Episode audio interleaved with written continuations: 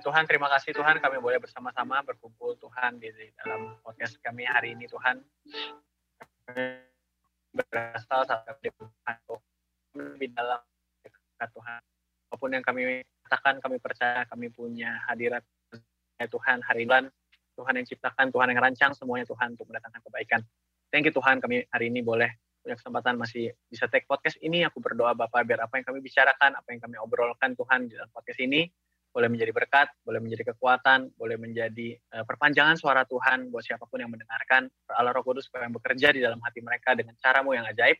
Kami mau melakukan yang terbaik, kami juga mau mempersiapkan yang terbaik. Tuhan terima kasih buat Brother Basna. Tuhan saya dalam hadiran Tuhan dapat berbicara, Tuhan akan uh, meneguhkan banyak hal buat setiap orang yang mendengarkan melalui podcast kami hari ini.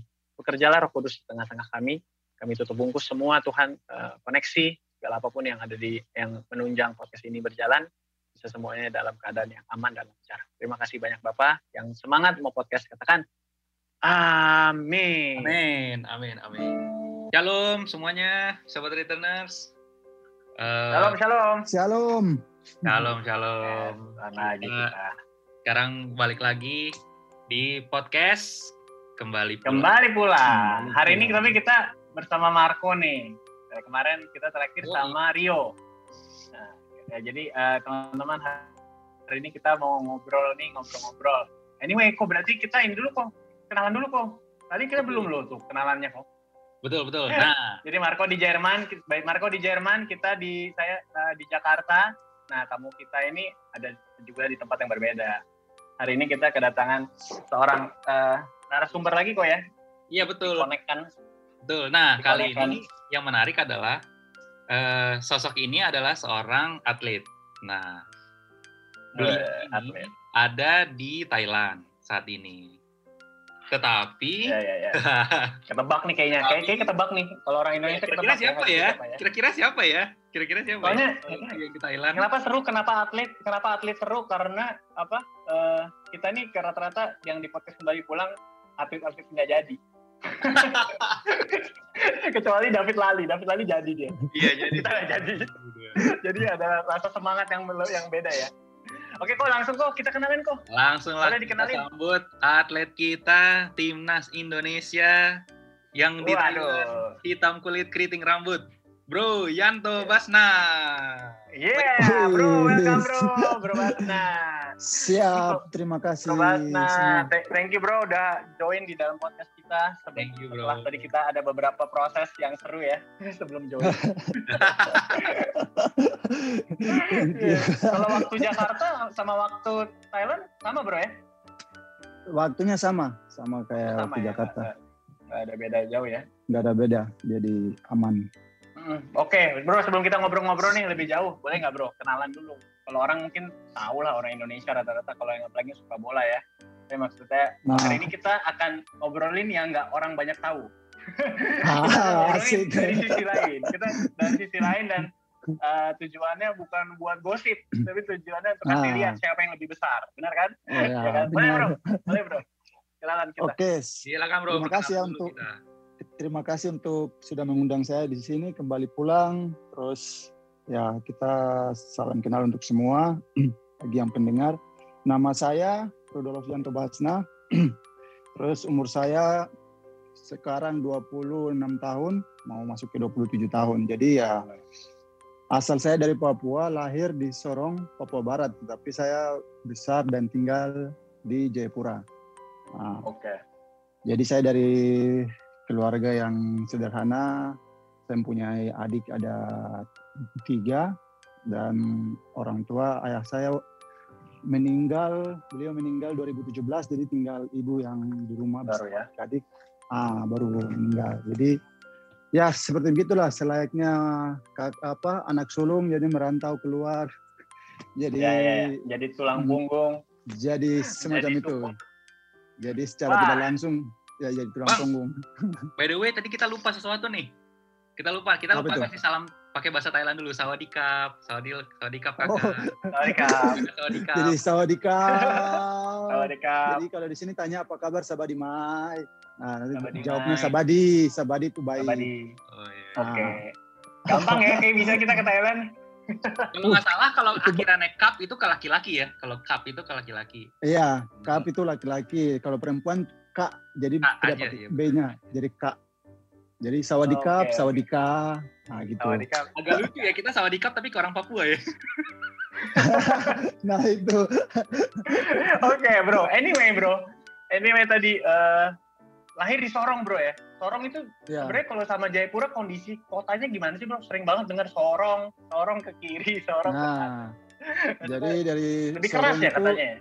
ibaratnya pintu masuknya ke, ke Papua ya. Jadi kalau di Papua itu Oh, kan kepala burung, jadi masuknya duluan Sorong. Tapi kayaknya majunya lebih maju Jayapura gitu. Oke, Ya, betul, oh. Sorong Jadi- justru lebih duluan ya. Lebih Ah, duluan. ah. gitu see, I see, jadi I see. Terus buat sekarang berarti- lahir aja. Hmm. Keluar Papua itu tahun tahun berapa bro? Kalau sekarang itu kan banyak perjalanan tuh. Saya keluar Papua udah dari kecil karena orang tua itu mereka apa? Saya pindah ke Jayapura 2000-an, 2000 sekitar itu. 2000 Hmm. 2001. Sampai 2000, jadi- sekarang. Oh, ber- berarti pindah dari Sorong ke Papua itu umur Umur eh, ke, Berapa ya? Jayapura, Ke- sorry, kelas- ke Jayapura. Mas. kelas kelas 1 SD itu pas pindah. Jadi sekitar umur berapa? 6 tahun gitu lah. Oh, enam, tujuh iya, tahun. iya. Beda bro, culture-nya beda tuh. Sorong sama Jayapura, culture gimana pertemanan lingkungan? Sama sama aja sih karena masih di dalam Sama Papua ya. kecuali kita pindahnya ke daerah Jakarta, iya, Jawa. Mirip-mirip aja ya, nggak ada beda. Jadi, jadi ya kalau orang tanya sekarang mereka lebih kenal saya di Jayapura, orang Jayapura karena udah lama di situ. Tapi Hmm, sukunya suku Sorong di Sorong dari Sorong. Oke. Terus anyway bro, mau nanya juga nih, kalau sekarang Ah. kan posisi main bola nih, pemain bola. Jadi Ah. mulai-mulai main bola itu dari kecil dong ya? Saya Sama main Papua. bola. Dulu nggak ada cita-cita untuk main bola sih karena Oh, saya ingin ikut uh, apa namanya orang tua saya dia pegawai negeri sipil almarhum. Jadi memang cita-cita saya dari kecil ya ini mau jadi kerja di kantoran. Wow, Jadi, tapi wow, wow. tapi ya gitulah. Saya cita-citanya lain. dan orang tua juga memang dari dulu nggak izin saya main bola. Mereka memang harus sekolah kan jadi mereka kadang ada bahasa ejek bukan Oh. ejekan sih hanya bahasa ini mereka kamu main bola untuk apa badan kamu tuh kecil angin bisa tiup kamu bisa terbang jadi nggak usah main bola jadi bahasanya seperti itu Wah itu pasti bapak besar sekali badannya, badanmu dibilang kecil ya. dulu, dulu emang dulu emang kurus badannya kan kurus Oh, kecil gitu. gitu Ya, ya, ya. Jadi satu guys, satu yang dilihat ada dua pemain bola yang deket kita nih. Sekarang jadi pemain bola. Cita-citanya dulu ternyata bukan jadi pemain bola. Iya, Kita yang cita-cita yang pemain bola gak jadi ya. iya. Luar, luar biasa memang Tuhan ya. Luar biasa. itu berarti orang apa biasa eh, ada yang ngomong kan eh, banyak yang terpanggil ter- tetapi sedikit yang Betul, terpilih betul, ya betul, betul. Betul, betul itu. betul betul betul terus terus bro berarti kalau eh, main bola nih eh, berarti Ah. mulai mulai kelihatan potensi dari umur berapa saya orang tua orang tua udah pas kita memutuskan untuk saya main bola itu pada saat saya udah mau ke Uruguay berangkat ke Uruguay. Itu eh, orang tua kasih putus keputusan. Jadi tiketnya udah ada di tangan saya untuk ke Uruguay. Tapi kita sebelum saya berangkat ke Jakarta kita duduk terus. Orang tua tanya kamu main bola apa sekolah? Terus saya bilang saya mau main bola. Karena kan apa tiket udah di tangan. Jadi orang tua ngomong di titik pesan, oke, kalau gitu kita dukung kamu main bola, tetapi jangan tinggalkan pendidikan. Jadi bagi dua, pendidikan 40%, sepak bola 60%. Jadi harus jalan seimbang, tidak bisa meninggalkan salah satu. Jadi ya semenjak Oke. SMA kelas 1, SMA kelas 1, itu udah orang tua dukung tuh. wow I see, I see, I see. Jadi Berarti- Eh, bro, eh, Ah, cukup panjang ya perjalanannya untuk untuk menjadi sampai ke pemain bola ya berarti ya dari dari awal perjalanan dari masih kecil. ya tiga tahun lagi Se- Uruguay juga. sebenarnya untuk meyakinkan orang tua ya cukup panjang karena dari kecil orang tua tidak dukung sampai SMP udah masuk SMA udah mau SMA baru orang tua mulai oke mendukung. Terus dari situ mulai fokus doakan apa gitu. Jadi terus sudah teratur lah. Hmm, jadi ya butuh-butuh perjuangan panjang. Terus betul betul. eh, pada saat ke Uruguay itu udah mulai kayak ini ada mulai nama udah mulai oh anak Papua kita kan cuma empat orang tuh perwakilan baru zaman itu susah jadi emang kita benar-benar ya waktu itu ya beruntung maksudnya kasih karunia Tuhan sebenarnya bukan beruntung Wow. Iya, empat iya orang dari sekian orang kalau ngomong anak-anak Papua ini gudangnya pemain sepak bola, tapi ya kita empat hmm. orang yang mewakili ya Uruguay, oh. begitulah. Hmm. Karena karena saya tahu, karena saya tahu, uh, ya kan seperti yang kita kenal ya di Indonesia kan gudang uh, Papua kan gudangnya pemain bola ya dari uh. dari, dari Papua. Nah tapi uh, uh, pastinya nggak mungkin semua semua semua anak semua anak Papua tuh bercita-cita jadi pemain bola dan semua orang tua menyetujui ya nggak nggak nah pasti nggak semua jadi kalau rata-rata ya bukan hanya saya dari termasuk mungkin dulu David Lali atau mungkin yang senior-senior yang sekarang kita pada prinsipnya orang tua tuh selalu mereka mengutamakan pendidikan daripada sepak hmm. bola loh. Padahal kita udah maksudnya terlahir dengan talenta itu tapi orang tua lebih mementingkan pendidikan. Makanya banyak anak-anak yang pelin-pelan antara pendidikan atau karir sepak bola. Akhirnya ngambil orang kalau ngambil apa keputusan setengah-setengah pasti nggak jadi. Jadi hmm. akhirnya ya makanya saya pelajari dari orang tua saya mereka mendukung lebih ke sepak bolanya tapi pendidikannya jangan ditinggalkan. Nah ya. seperti gitu. Oke okay, bro itu bro anyway apa uh, anyway itu tadi aku mau nanya mau back back sebentar sebentar uh, soal masa kecil bro kan kemarin kita kalau ah. ngobrol tuh kayak ah. bagaimana kamu lahir dengan keadaan yang nggak nggak oke okay lah ya dengan keadaan orang ah. tua yang memang akhirnya uh, sampai puji Tuhan uh, ada Tuhan kirim lah ya ibaratnya ada bapak mama gitu sampai akhirnya ah. ya Tuhan tuh yang pelihara lah boleh nggak bro ceritain bagian itu dikit bro bagaimana strugglingnya itu kan sebenarnya di bagian situ tuh uh, strugglingnya di bagian situ itu oke okay, terima kasih ya karena ya pertanyaan bagus dan selama ini nggak ada orang maksudnya hampir tidak banyak orang, paling cuma dua persen, tiga persen orang yang tahu latar belakang saya. Karena mereka cuma tahunya kan tampilan depan, oke okay, untuk Basnas gini gini gini dari Papua main bola gini gini, tapi ya. nggak ya. tahu latar belakang. Jadi saya cerita sedikit. Uh, saya dari keluarga uh, broken home dalam arti ya orang tua saya itu dari sewaktu kecil saya sebelum melahirkan eh, bapak saya udah pergi meninggalkan ibu. Terus mungkin ibu ibu apa karena ibu juga mungkin kecewa dan lain-lain ibu sudah melahirkan saya saya sudah ini. Terus ibunya juga pergi jadi masing-masing tuh. Mereka pergi masing-masing menikah. Jadi saya tinggal sama seorang nenek ada di Sorong. Terus ya layaknya kehidupan seperti begitu. Jadi ya kehidupannya saya itu macam hidup tanpa orang tua. Jadi akhirnya uh, Tuhan Tuhan itu baik dia mengirimkan baik. ada bap bapak ade jadi dia mereka datang ambil saya untuk pelihara saya. Jadi bawa saya ke Jayapura, makanya tadi saya bilang ya. itu dipindahkan dari fase itu ya. dikasih pindah saya ke Jayapura ya. Hal yang saya bersyukur adalah uh, saya di beli apa dijaga Tuhan menitipkan saya kepada orang yang tepat dalam arti yes. ya yes.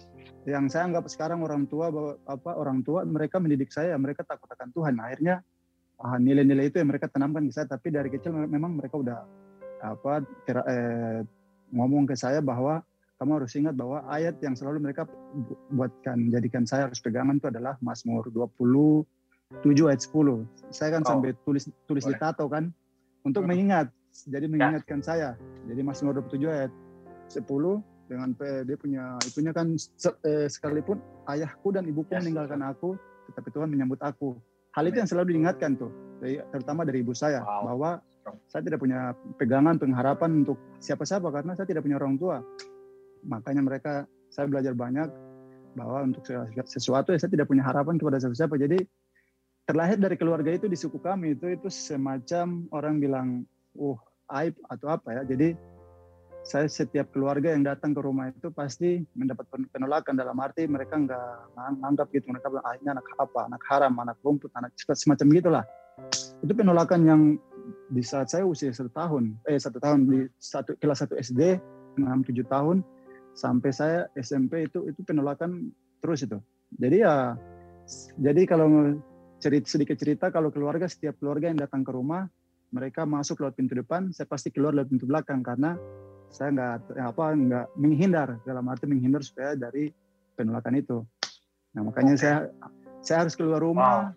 Jadi saya wow. saya keluar rumah saya harus tunggu mereka kalau keluarga udah pulang baru saya kembali ke rumah gitu. Saking tapi ya salah satu hal yang menarik sampai sekarang saya tidak lupakan adalah ketika penolakan itu terjadi, pastilah saya sebagai anak kecil juga saya apa menangis gitu, menangis untuk bertanya di mana saya punya orang tua. Jadi menangisnya itu saya tanya ke Tuhan oh. itu yang ya. jadi menangis dan lucunya bukan lucunya tapi memang tempat yang saya ingat itu sekali saya sering tuh di dalam got karena di depan rumah tuh ada got dalam hmm. jadi saya saking nangis tuh pasti di situ jadi nggak ada orang yang tahu nggak ada orang lihat hmm. nangis wow. dan sam, sam, sampai sekarang ya kalau macam mau berpikir kembali memang Tuhan itu apa memperhitungkan tetesan air mata kita apa yang wow. kita nah jadi ya berjalannya waktu dengan penolakan yang seperti begitu ya saya tumbuh semacam jadi orang yang macam sabar gitu. Jadi semacam tadi diajarkan macam tidak bisa kamu membalas ke siapa? Tidak ada orang. Jadi harus harapannya hanya wow. ngomong ke Tuhan. Jadi nangis ngomong ke Tuhan. Responnya positif bro ya? Jadi ya bro ya? Sebenarnya responnya bukan jadi kepahitan bukan jadi marah tapi justru malah semakin mengandalkan Tuhan gitu ya?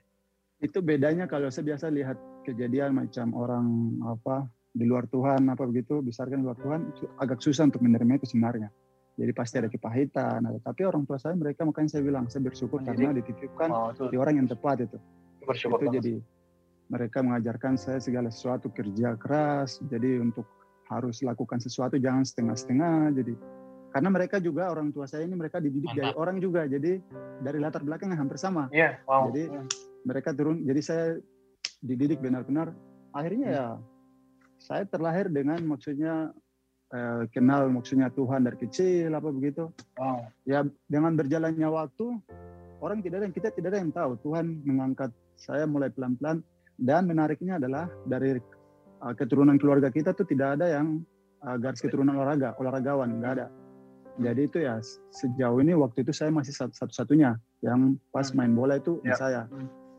Akhirnya ya Tuhan pakai talenta itu Tuhan pakai angkat terus akhirnya puji Tuhan kalau mau bicara dari eh, sampai sekarang ya seorang anak yang dulu kalian tolak ibaratnya seperti itu seorang anak yang dulu hmm. kalian tolak keluarga inti loh ini keluarga yeah. inti bicara keluarga inti jadi eh, seorang anak yang kalian tolak Tuhan mengangkat anak itu menjadi kepala wow. itu jadi wow. seorang yang dipandang jadi kalian suatu kebanggaan jadi ibaratnya kalau saya ini ya suatu kebanggaan bagi mereka dan saya bersyukur maksudnya sampai kemarin-kemarin ada uh, tante saya satu mereka ada yang ngomong ih kita nih bersyukur ya maksudnya dari kita punya keluarga nih ada yang main bola. Tapi dulu ya dia salah satunya tapi ya saya cuma ya, ya, ya. mendengar kalimat itu saya cuma ungkapan syukurnya cuma ingat Tuhan saja Tuhan terima kasih. Karena ada ada bahasa yang keluar dari mulut tante ini bahwa ya, berarti dia diberkati dong.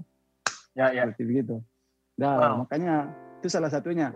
Jadi ya berjalannya waktu Tuhan mengangkat saya melalui fase-fase jatuh bangun dan lain-lain. Uh, itu jadi hal yang hmm. Tuhan lakukan itu sampai saya saking banyaknya saya udah hampir lupa. Makanya saya punya satu kerinduan bahwa saya ingin buat buku, buat buku untuk Amen. apa men menulis cerita, ya? kejadian cerita. Jadi jangan orang hanya mendengar saya dari cerita orang, tetapi ada buku yang memang di situ ya, ya, ya.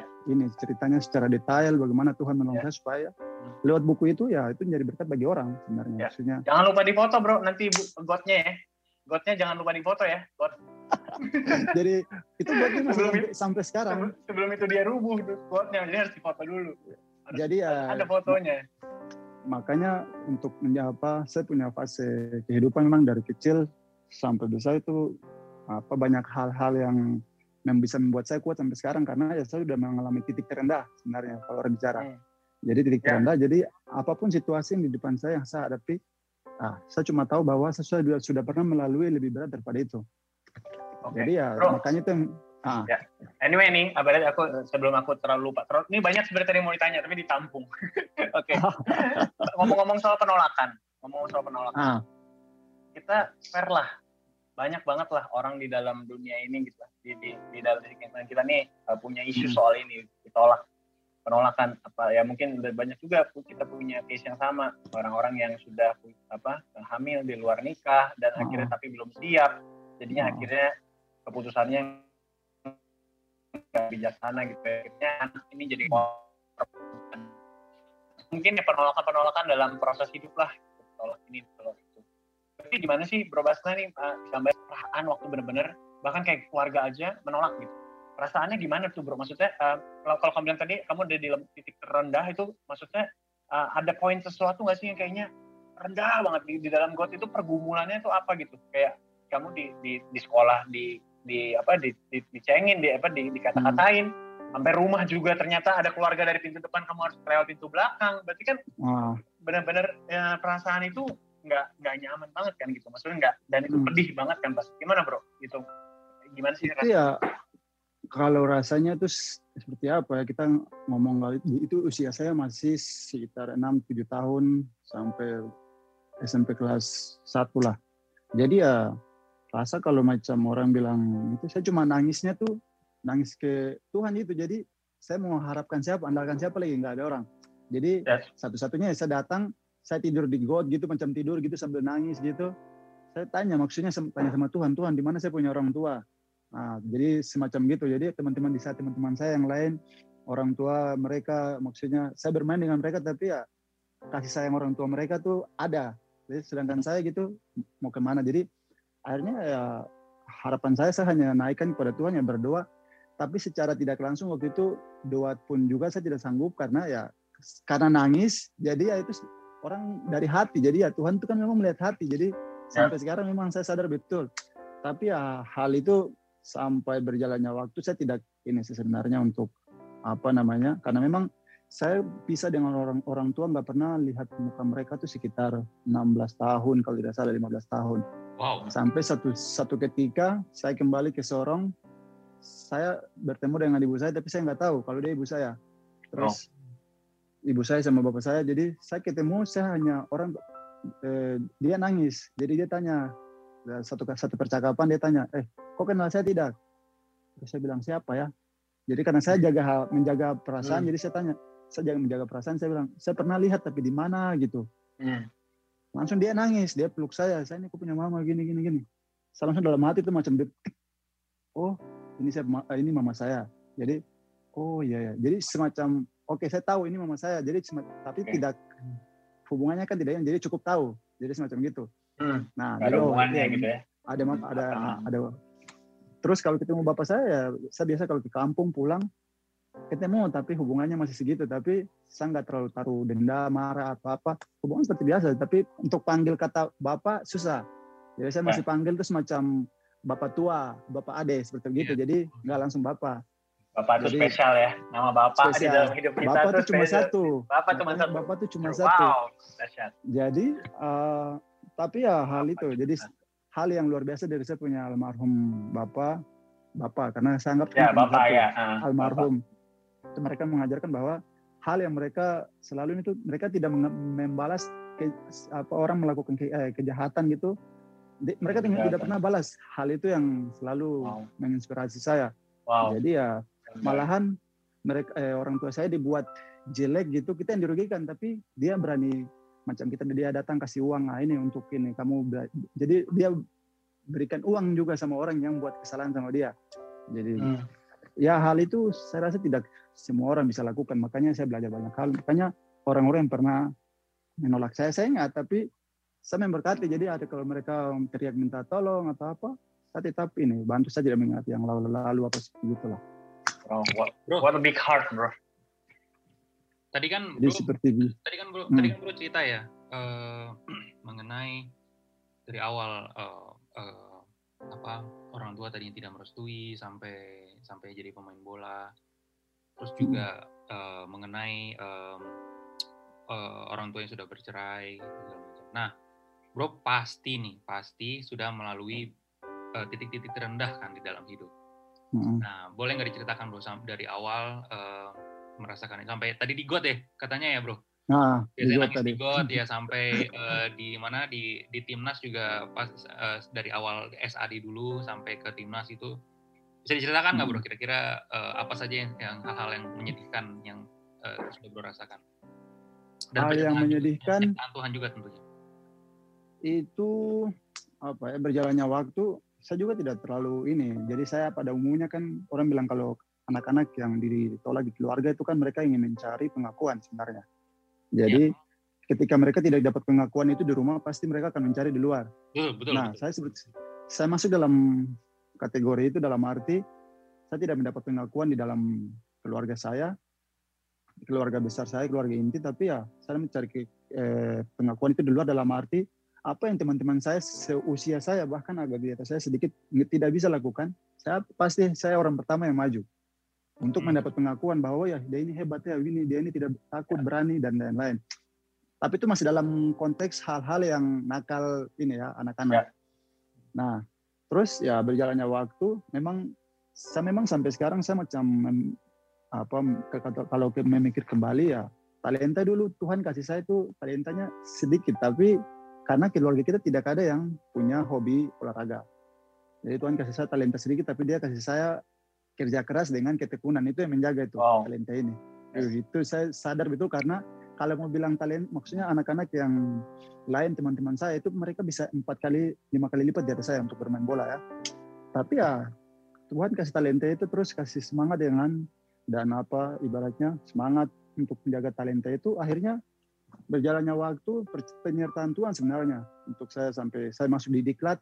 Diklat salah satunya David Lali kan senior saya dua ta eh, tiga tahun atas saya.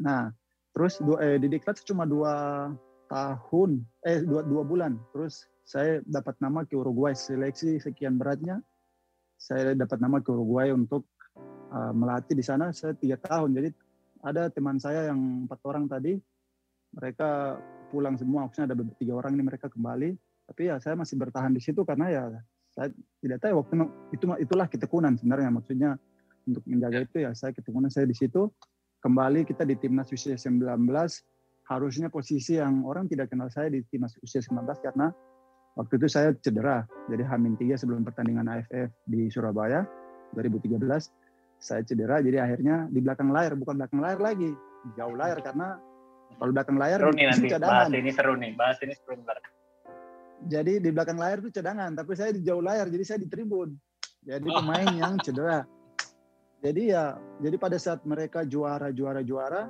eh juara pada saat itu waduh itu itu ada suatu apa ya ada stres sedikit karena posisi saya di situ tuh di sini. Maksudnya saya harus main di main inti harus jadi apa bintang di situ. Tapi kenapa saya harus di atas tribun seperti itu akhirnya pada saat mereka juara terus saya dikesampingkan akhirnya kita pas main lawan timnas Korea kita menang itu ya 3-2 kalau tidak salah jadi timnas lawan itu di GBK itu pada saat itu Hamin dua saya udah keluar karena mau cek kaki terus operasi karena memang kaki saya udah parah. Oh, jadi pada ya, saat ya, saya ya, final, jadi, final Korea U19 itu itu bro di rumah sakit bro. Itu saya udah keluar baru baru keluar dua hari sebelum pertandingan. Okay, okay, mereka okay. uji coba lapangan, saya udah keluar okay, karena ibu ibu ibu saya itu lagi ke Jakarta jalan dinas jadi sekalian untuk berobat. Jadi berobat nah. saya. Akhirnya pas ke rumah sakit saya operasi. Jadi pada saat siuman dari operasi gitu bangun itu timnas lagi main. Yeah. Jadi saya stresnya karena pada saat itu saya lagi opera, baru operasi, timnas lagi main lawan Korea itu. Terus ibu saya ini tidur di samping apa tempat tidur. Yeah. Yeah. Jadi saya macam merasa, waduh, harusnya posisinya saya harus membanggakan ibu saya. Kenapa harus saya di rumah sakit merepotkan seperti begitulah. Yeah, yeah. Oh, itu stres stres berat di situ. Akhirnya masuklah dari situ terus jatuh dalam apa namanya dosa dan lain-lain karena stres tadi.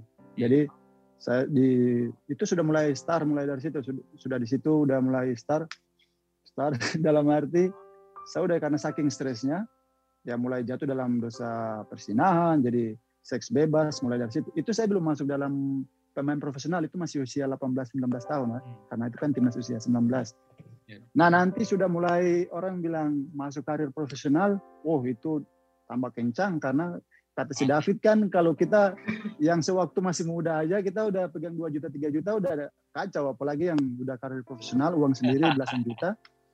Itu artinya akhirnya artinya semacam kita membiayai, membiayai dosa-dosa kita lah. Membiayai yeah. terlancar.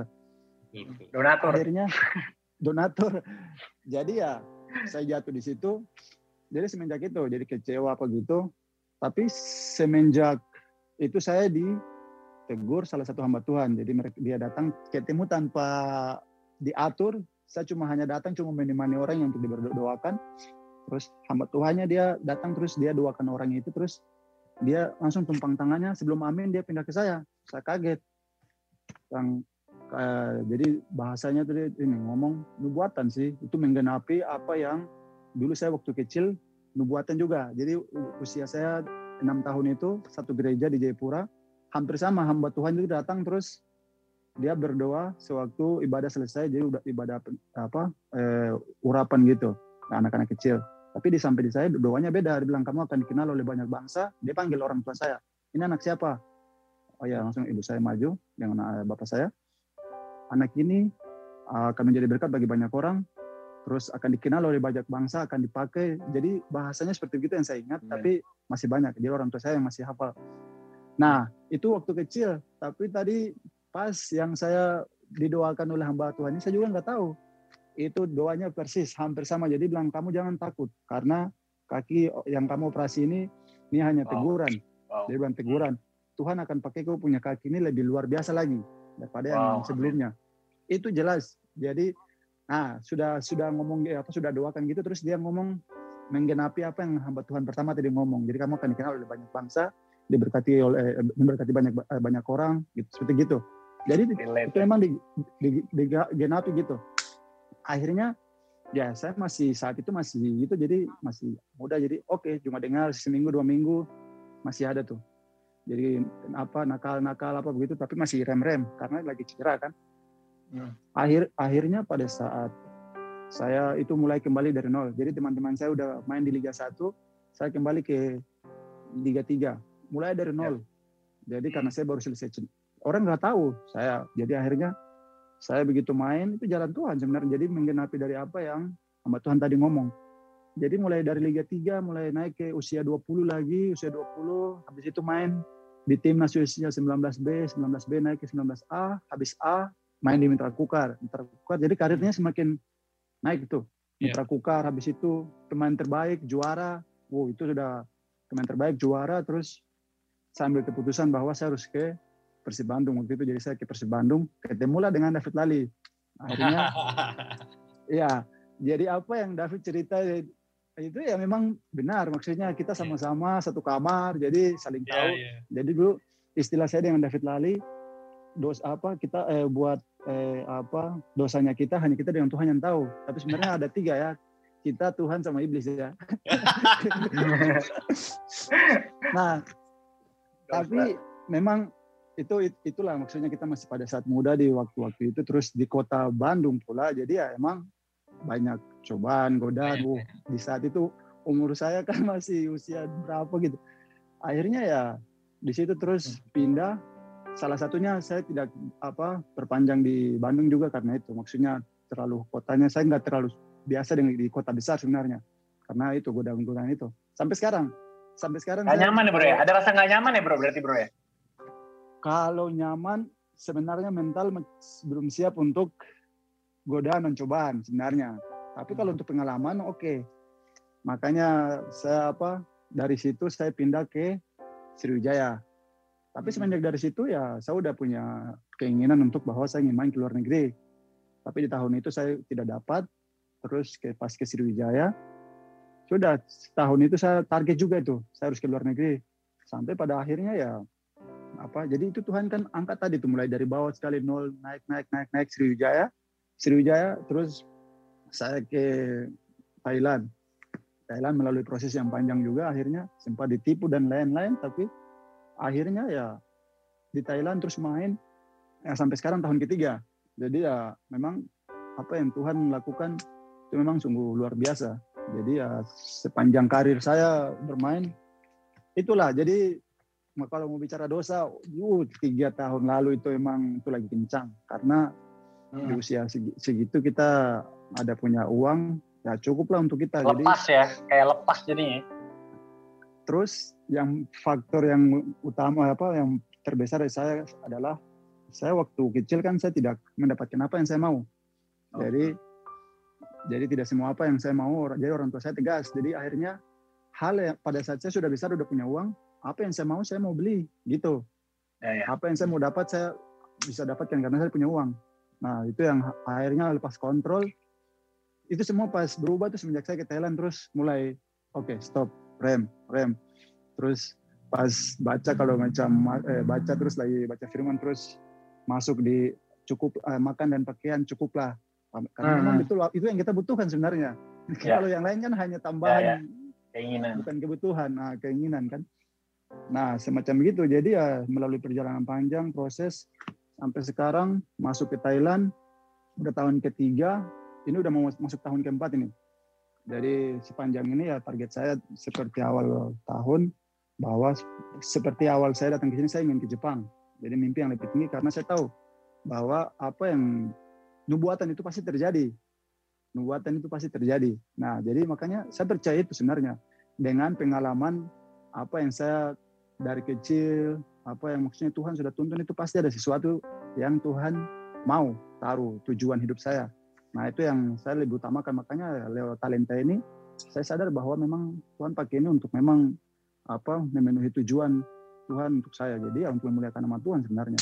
Salah satunya Amen. dengan dengan podcast ini kan kita untuk berbagi ya. untuk berarti banyak orang seperti begitu. Ya, wow mantap, bro.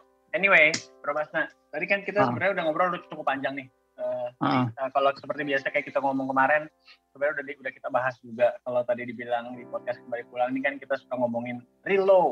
Real low itu ah. kayak masa-masa perjuangan kita, terus ada namanya real life. Bagaimana di bagian kita uh, menghadapi semua itulah ya. Kita terima keadaan ah. kita, kita bangkit gitu sampai akhirnya ada namanya real love itu kayak benar-benar cinta Tuhan yang besar buat kita gitu. Jadi kalau dilihat tadi kan sebenarnya real low-nya lumayan tuh ada momen-momen di dalam eh waktu dari kecil tertolak segala macam kan maksudnya kayak hmm. diledek-ledek terus hmm. di momen itu sebenarnya puji Tuhan Tuhan kirim bapak mama ya puji Tuhan ya kan nah. kita dididik luar biasa dikawal terus dalam doa terus sampai akhirnya ada juga nih kemarin adalah waktu cedera-cedera tadi waktu jatuh lagi dalam ah. dosa gitu ya uh, tapi itu. kembali lagi Tuhan Tuhan tangkap lagi ya lewat hamba Tuhan itu diteguhkan lagi itu. ditarik lagi gitu ya jaga terus ya, lagi. ya gitu ya jadi benar-benar dijaga terus gitu. Maksudnya kayak memang benar-benar uh, apa ya uh, luar biasa sih. Emang kalau dibilang tadi kalau sekalipun ayah dan ibuku menolak aku tapi Tuhan yang menyambut aku ya itu memang benar-benar Tuhan yang paling ingin kita di dunia gitu ya. Dia yang tanggung jawab gitu. Dia yang tanggung jawab dan uh, dengar ceritanya luar biasa sih bro. Maksudnya uh, seakan-akan kayak penolakan itu terus menghantui hidupmu tapi nah. kamu terus bisa memenangkan pertandingan itu gitu.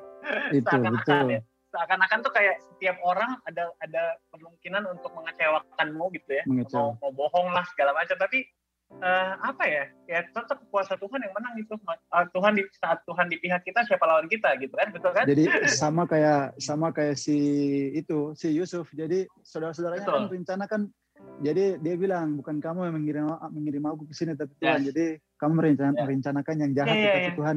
Nah Ujungnya, sama iya, kan? itu persis kan sama persis kan. Kesannya tuh kayak seakan-akan uh, ya hal yang terjadi dari kecil itu menghantui terus gitu. Tapi terus hmm. Tuhan bisa buat kamu menang terus. Maksudnya dalam kita kemarin cerita lebih panjang lebih detail ya. Maksudnya kayak hmm. benar-benar perjalanan itu tuh real banget. Bagaimana jatuh bangun jatuh bangun jatuh bangun jatuh bangun gitu. Tapi uh, ya satu yang paling luar biasa yang kulihat adalah uh, doa mama sih pasti. Doa mama menyertai yeah. sekali sih. Memang doa orang tua ya. Papa mama luar biasa tua. gitu Hmm, makanya tadi kayak aku lihat kamu waktu di Bandung pun hancur tiga tahun. Tapi maksudku hmm. tadi nggak nyaman tuh adalah waktu saat melakukan itu sebenarnya ada perasaan di hati yang mengetuk gitu ya. Ada rasa-rasa gimana gitu. Itu sebenarnya kalau yang nggak nyaman tadi tuh nggak nyaman dalam arti saya tidak bisa hidup di kota besar karena susah hmm. mengontrol. Jadi iya, ya, soal godaan itu kan bukan bukan soal nah, sepak bolanya, soal godaan bukan itu justru kan. Godaan itu, iya, makanya iya, makanya beberapa kali ditawarkan untuk bermain di kota besar. Saya sampai sekarang kan saya bermain kalau di Thailand kan di kota-kota kecil sebenarnya. Jadi yang bisa saya bisa kontrol hidup saya. Jadi tidak banyak mall, tidak banyak keramaian. Jadi hal-hal itu yang makanya saya lebih suka. Makanya karena mungkin mungkin mental saya, iman saya belum kuat sekuat yang nantinya maksudnya untuk tinggal di itu menghadapi cobaan itu. Hmm. Oke okay, bro, berarti bro, misalnya bro gini, misalnya nah, seorang yang lagi sekarang uh, struggle nih, pernah ditolak, pernah pernah dalam di down, diremehkan, diapain lah. Uh, berarti kalau di bagianmu turning point itu apa bro? Maksudnya yang membuat kamu kok kayaknya orang kayak orang yang nggak pernah ditolak gitu. Kayak orangnya punya rasa aman, nggak terlalu pikirin apa kata orang, kayak ya udahlah gitu. Menurutmu apa tuh? Kayak saran, kalau, solusi atau cerita? Kalau saya sih sebenarnya karena saya pasti banyak ya maksudnya yang punya kehidupan seperti saya latar belakangnya seperti itu bahkan ada yang lebih ini juga. Terus jadi ada jadi saya kasih contoh satu ada adik adik saya David tahu dulu. Jadi kita kalau tinggal di di mes tinggal bertiga. Jadi saya ada adik saya yang ada keluarga satu sama David. Daniel namanya. Jadi ya dia itu orang tuanya meninggal dua-dua terus kakaknya tuh meninggal tiga orang apa dua orang. Jadi hanya dia sendiri. Jadi hanya sebatang kara jadi makanya saya dengan dia saya begitu mengasihi dia karena saya mengingat latar belakang, belakang saya. Jadi saya begitu merangkul dia apa gitu karena dia punya talenta di situ juga di sepak bola. Nah saya punya keyakinan yang sama bahwa orang-orang seperti begini Tuhan memanggilnya punya orang tua kakak-kakak terus tinggalnya sendiri. Berarti itu ada satu rencana. Maksudnya ya. ada sesuatu rencana yang Tuhan tak mau taruh untuk dia.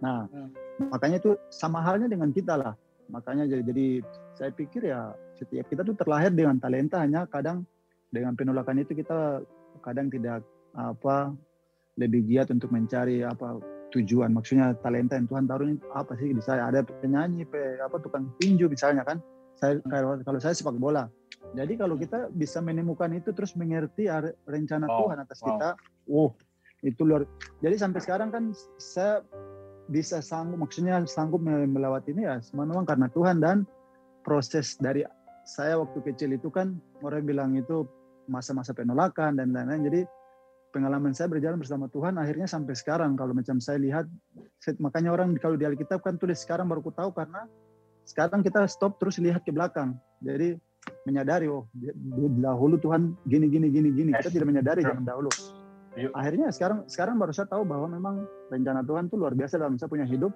Dan apa namanya ini, ini sudah saya punya panggilan tujuan hidup ya saya harus tekuni di sini. Makanya ada satu ketika ketika dis, disuruh pilih antara dua tahun kemarin sebelum corona. Hmm. itu apa pilihannya sulit karena mau pilih sepak bola atau pendidikan. Saat hmm. pendidikan saya terakhir itu terakhir itu memang kacau karena nilai-nilai saya karena fokus main bola di Thailand nilai saya itu kacau.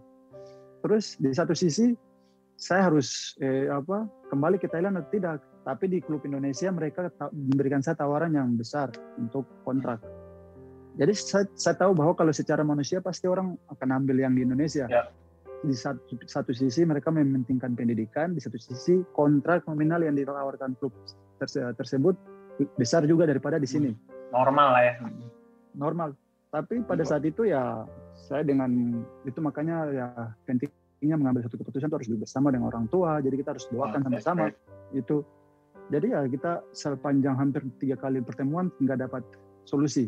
Tapi hati kita saya dengan orang tua ini harus tinggal di Indonesia untuk apa, menyelesaikan kuliah. Ya. Terus tawarannya bagus saya juga 70% ibu saya 80% malah. Jadi untuk kembali ke Thailand itu 20% tapi pas pertemuan terakhir eh, akhir tahun itu diingatkan dalam hati saya itu cuma berapa hal yang saya itu saya mikirnya saya udah dua tahun di Thailand. Saya kalau kembali ke Indonesia berarti udah saya nggak bisa kembali ke Indonesia. Jadi mulai dari nol lagi. Yeah. terus yang kedua uh, nubuatan yang Tuhan sudah kasih penyertaan pemeliharaan sampai saya di posisi ini itu pasti ada sesuatu yang ingin Tuhan lakukan ke depan. Saya mikirnya gitu. Hmm. terus yang ketiga ini saya ingat si apa Abraham. Abraham Ishak Yakub mereka ini kan dipanggil Tuhan suruh keluar. Dia tidak tahu ke mana.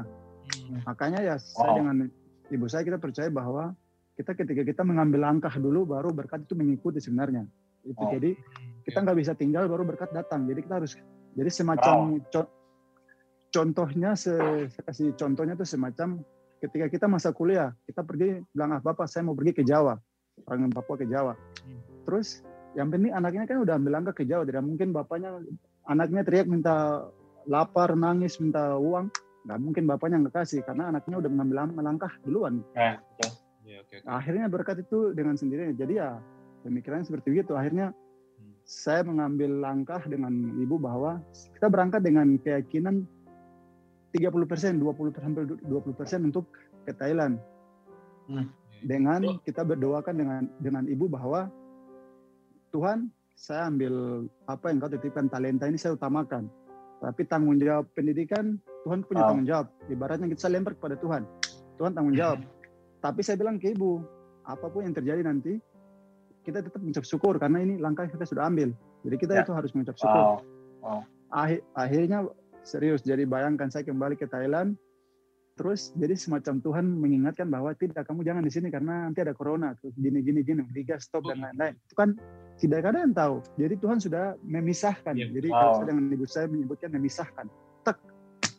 Jadi wow. ah, akhirnya bayangkan jadi, jadi yang lebih lebih ajaib lagi saya ketika sampai di Thailand lewat beberapa bulan nilai-nilai saya itu treat langsung jadi yeah. jadi singkat cerita aja sesudah itu saya sudah ujian selesai ujian saya dinyatakan lulus dan lain-lain saya siap di wisuda jadi akhirnya ya tanggung jawab Tuhan itu dua-duanya dapat Tuhan, ya bukan apa jadi Tuhan penuhi apa yang ya. saya lemparkan kepada Tuhan nah terus di, yang mujizat yang lebih lebih saya langsung sambil duduk tertawa sambil berdoa gitu macam tertawa nggak habis pikir karena Tuhan kasih saya saya saya bilang Tuhan saya cuma minta eh, apa saya lulus saja dapat ijazah sarjana kenapa Tuhan hmm. harus kasih saya cum laude jadi akhirnya saya dapat apa predikat cum laude lagi akhirnya.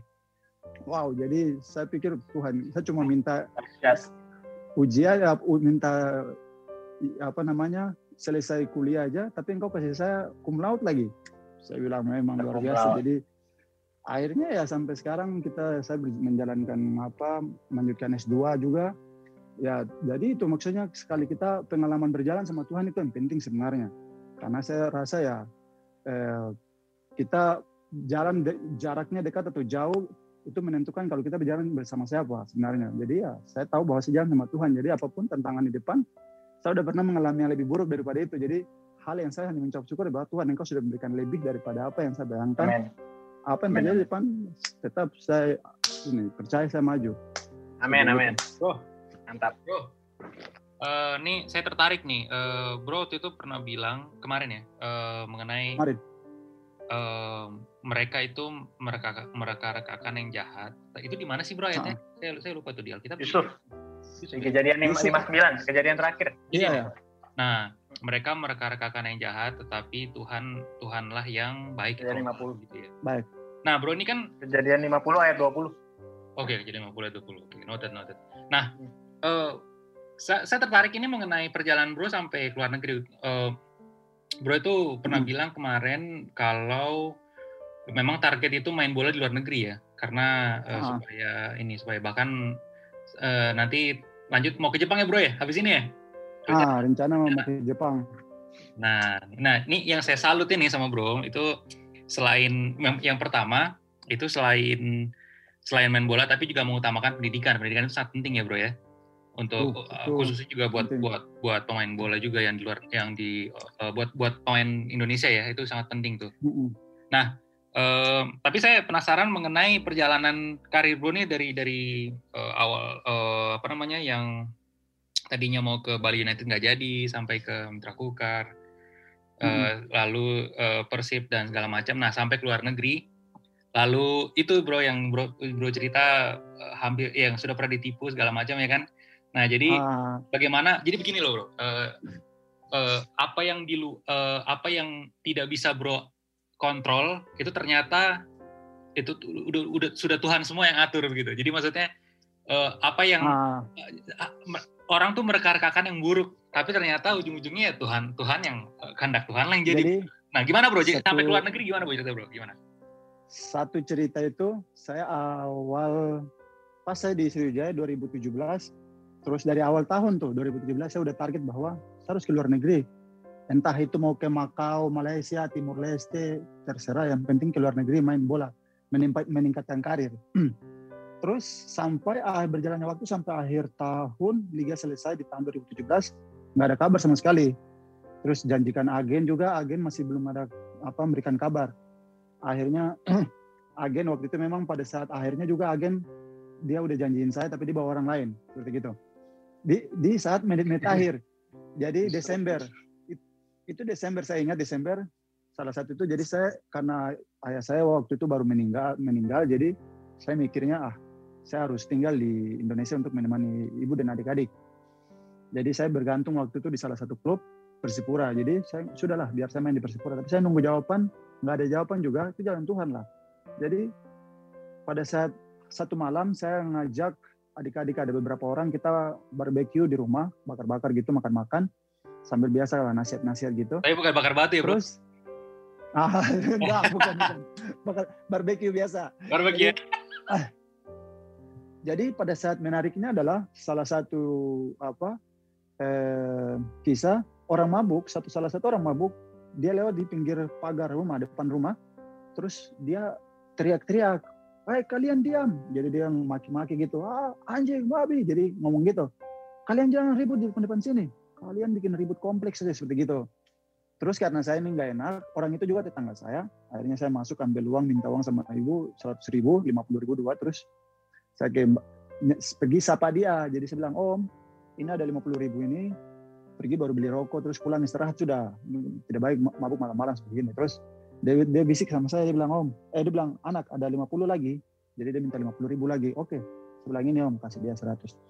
Saya udah kasih, saya begitu masuk mau ke rumah lewat pagar, dia langsung tiba-tiba dia nangis dia nangis itu nangisnya nggak tahu kenapa dia nangis terus dia sambil nangis terus mar, apa sambil ngomong ke arah adik-adik saya ini yang di ngomong jadi saya lagi baru masuk itu masih dari pagar saya cuma dengar aja gitu dia nangis terus bilang kalian ini tidak ada yang sama seperti saya punya anak Yanto. Dia bisa bermain ke luar negeri main dia sebut negara-negara tapi saya tidak fokus ke negaranya. Saya cuma pikir fokus saya dengar tuh jelas luar negeri. Oh, saya langsung pas ma itu jadi oh, anak jadi anak-anak saya apa teman-teman yang lain itu mereka tidak memikirkan jadi mereka cuma pikir ah ini orang mabuk gini begini saya udah masuk pas masuk itu saya cuma dengar luar negeri negara yang disebut. Karena memang kan awalnya kan saya memang di eh, Uruguay. Jadi dia sebut bukan iya. Uruguay saja negara-negara beberapa negara tapi yang saya cuma tangkap dalam hati langsung macam truk wow. luar negeri.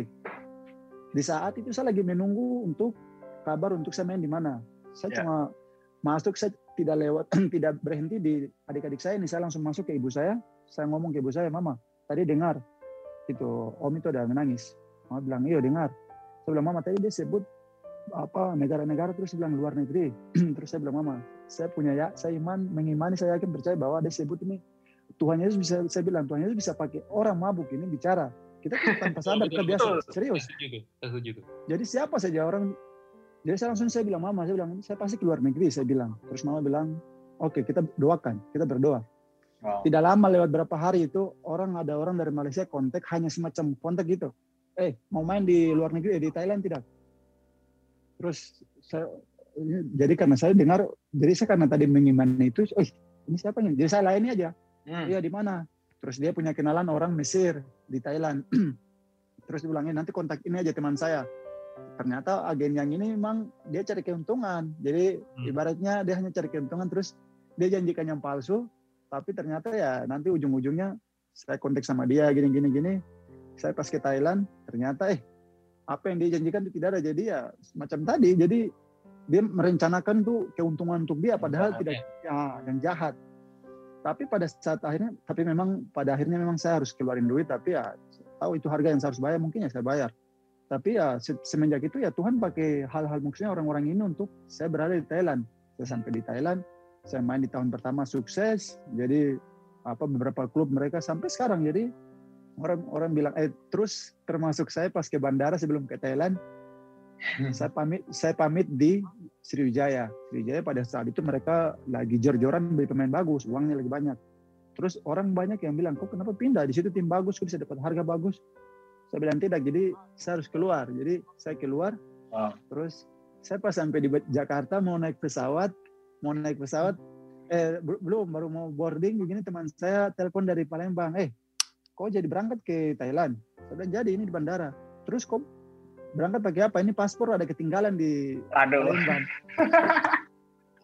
Jadi saat itu saya telepon ke ibu saya bilang ini paspor ketinggalan gini gini gini terus ibu bilang oke okay, kita doakan saja kalau memang Tuhan kehendaki ingin kok ke sana ya kalau kalau memang apa Tuhan kehendaki kok ke sana main di sana ya pasti ada jalan bilang akhirnya begini ada ada aja orang titip paspor saya terus di orang gitu naik pesawat saya ambil di Jakarta udah beli tiket baru berangkat wow itu memang itu luar jadi ya itu udah memang di luar kendali saya jadi hal-hal itu ya tadi menariknya ya, adalah Tuhan bisa pakai, pakai siapa saja ya termasuk orang mabuk. Terus singkat cerita tadi yang saya habis ngomong ke ibu bilang saya harus eh, pasti keluar negeri. Saya keluar kembali ketemu adik-adik depan ini depan rumah. Terus saya bilang tanya tanya mereka, kalian tadi dengar orang itu menangis tidak? Saya bilang iya dengar ah itu orang mabuk jadi gini gini gini. Jadi mereka cuma pikir orang saya bilang tadi kau dengar tidak mereka dia bilang bahasanya keluar negeri negara-negara oh iya kakak tadi kita dengar Saya bilang, kok tidak percaya? Saya tantang mereka. Saya bilang, kok tidak percaya? Hmm. Kita lihat ya. Saya pasti keluar negeri karena tadi dia ada bilang luar negeri. Saya tahu. Oh, oh. Makanya hal itu saya yang selalu ingatkan mereka oh. lagi karena saya masih komunikasi dengan mereka. Bahwa, bahwa Tuhan itu bisa pakai siapa saja untuk itu melakukan oh. kehendaknya. Seperti jadi itu. ingat bro, jadi ingat di kisah di Alkitab tuh ada uh, Bileam, tentang Bileam dan keledainya.